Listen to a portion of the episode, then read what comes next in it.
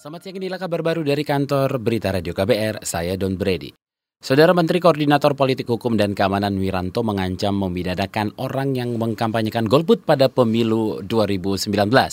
Wiranto menyebut orang yang mengajak untuk golput sebagai pengacau dan bisa diberlakukan eh, seperti teroris.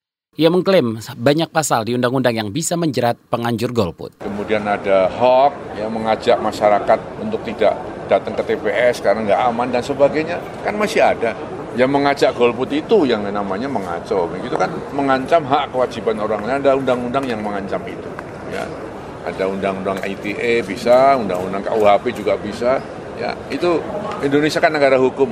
Ya, sesuatu yang e, membuat tidak tertib sesuatu yang membuat kacau pasti ada sanksi hukuman Menko Polhukam Wiranto sebelumnya juga sempat mewacanakan penggunaan undang-undang anti terorisme untuk menjerat penyebar hoax yang mengajak masyarakat golput.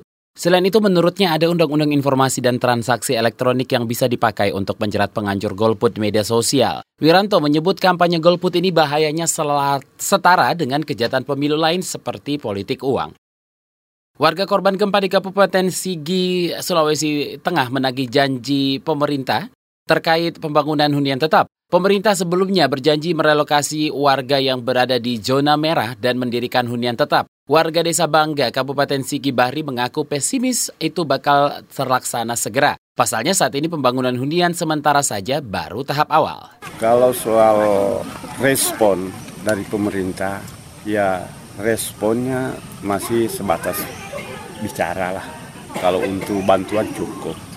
Tapi kalau untuk kita apa namanya sekarang ini kan ada namanya eh, dipindahkan dari wilayah itu kami kan lingkungan kami orang itu sudah tidak layak huni lagi sudah termasuk zona merah Warga Desa Bangga, Kabupaten Sigi Bahri mengatakan kondisi di desanya makin parah akibat banjir yang meluap ke jalan dan reruntuhan rumah.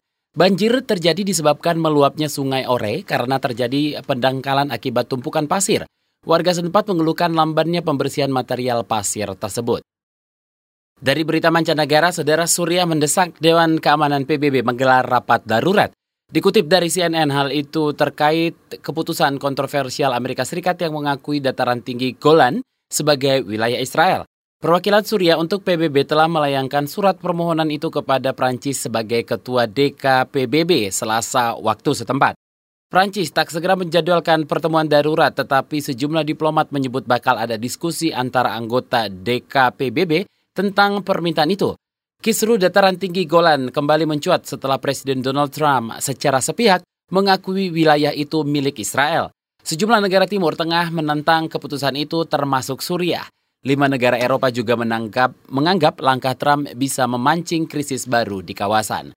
Demikian kabar baru dari kantor Berita Radio KBR, saya Don Brady.